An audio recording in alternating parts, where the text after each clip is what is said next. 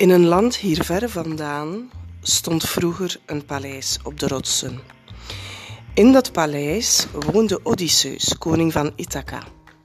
Dat vertellen de Grieken elkaar in hun verhalen over de oudheid.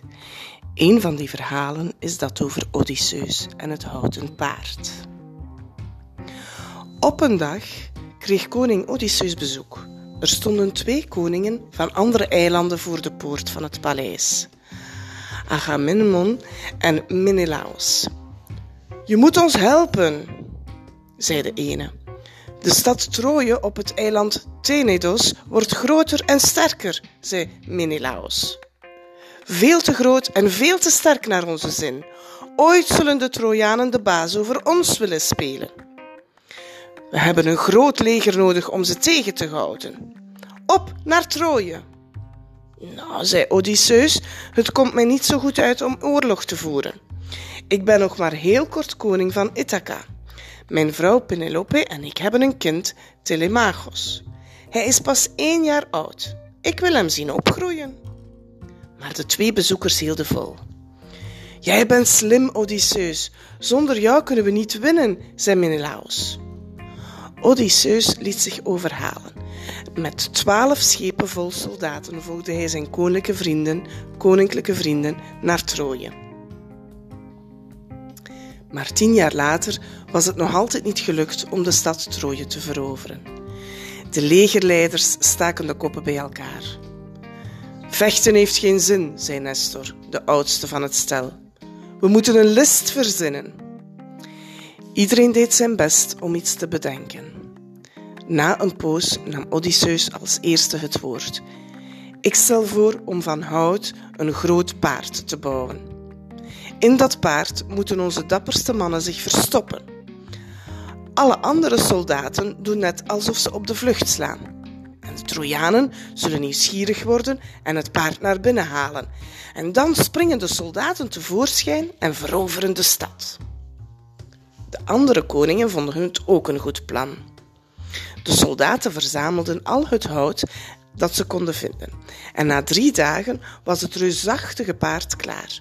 Houten kop, houten benen, houten staart en in zijn buik een luik. Een luik, dat is een soort deurtje. De koningen kozen hun dapperste strijders uit en Odysseus kreeg de leiding. Odysseus en de uitgekozen mannen verstopten zich in het paard en alle andere soldaten gingen op de vlucht in hun boten. Zogenaamd, want in plaats van weg te gaan, voeren ze om het eiland Tenedos heen, zodat niemand hen kon zien. Langzaam gingen de poorten van Troje open. Juichend van vreugde renden de Trojanen naar buiten. We hebben gewonnen, riepen ze. De vijand is op de vlucht geslagen. En toen zagen ze het paard. Het reusachtig houten beest maakte hen bang. Maar na een poosje won de nieuwsgierigheid het van de angst. Sterke mannen probeerden het paard de stad in te trekken, maar de poort was te klein. De Trojanen vierden feest. Er was muziek, dans en wijn. Niemand zag nog een gevaar in het paard. Na het feest viel er een diepe rust over de stad. En toen zei Odysseus tegen de soldaten in de buik van het paard: Sst, ga maar, zachtjes, niemand mag ons horen. Eén voor één lieten de soldaten zich uit het luik in de buik op de grond zakken. Ze overvielen de poortwachters, ze bestormden de torens en staken die in brand. Tot achter Tenedos was het vuur te zien. Snel heesen de soldaten die zich daar hadden verstopt de zeilen en voeren de haven van Troje binnen. Niet lang daarna keerden alle Griekse koningen en hun soldaten naar hun eigen eilanden terug. Ook Odysseus ging op weg.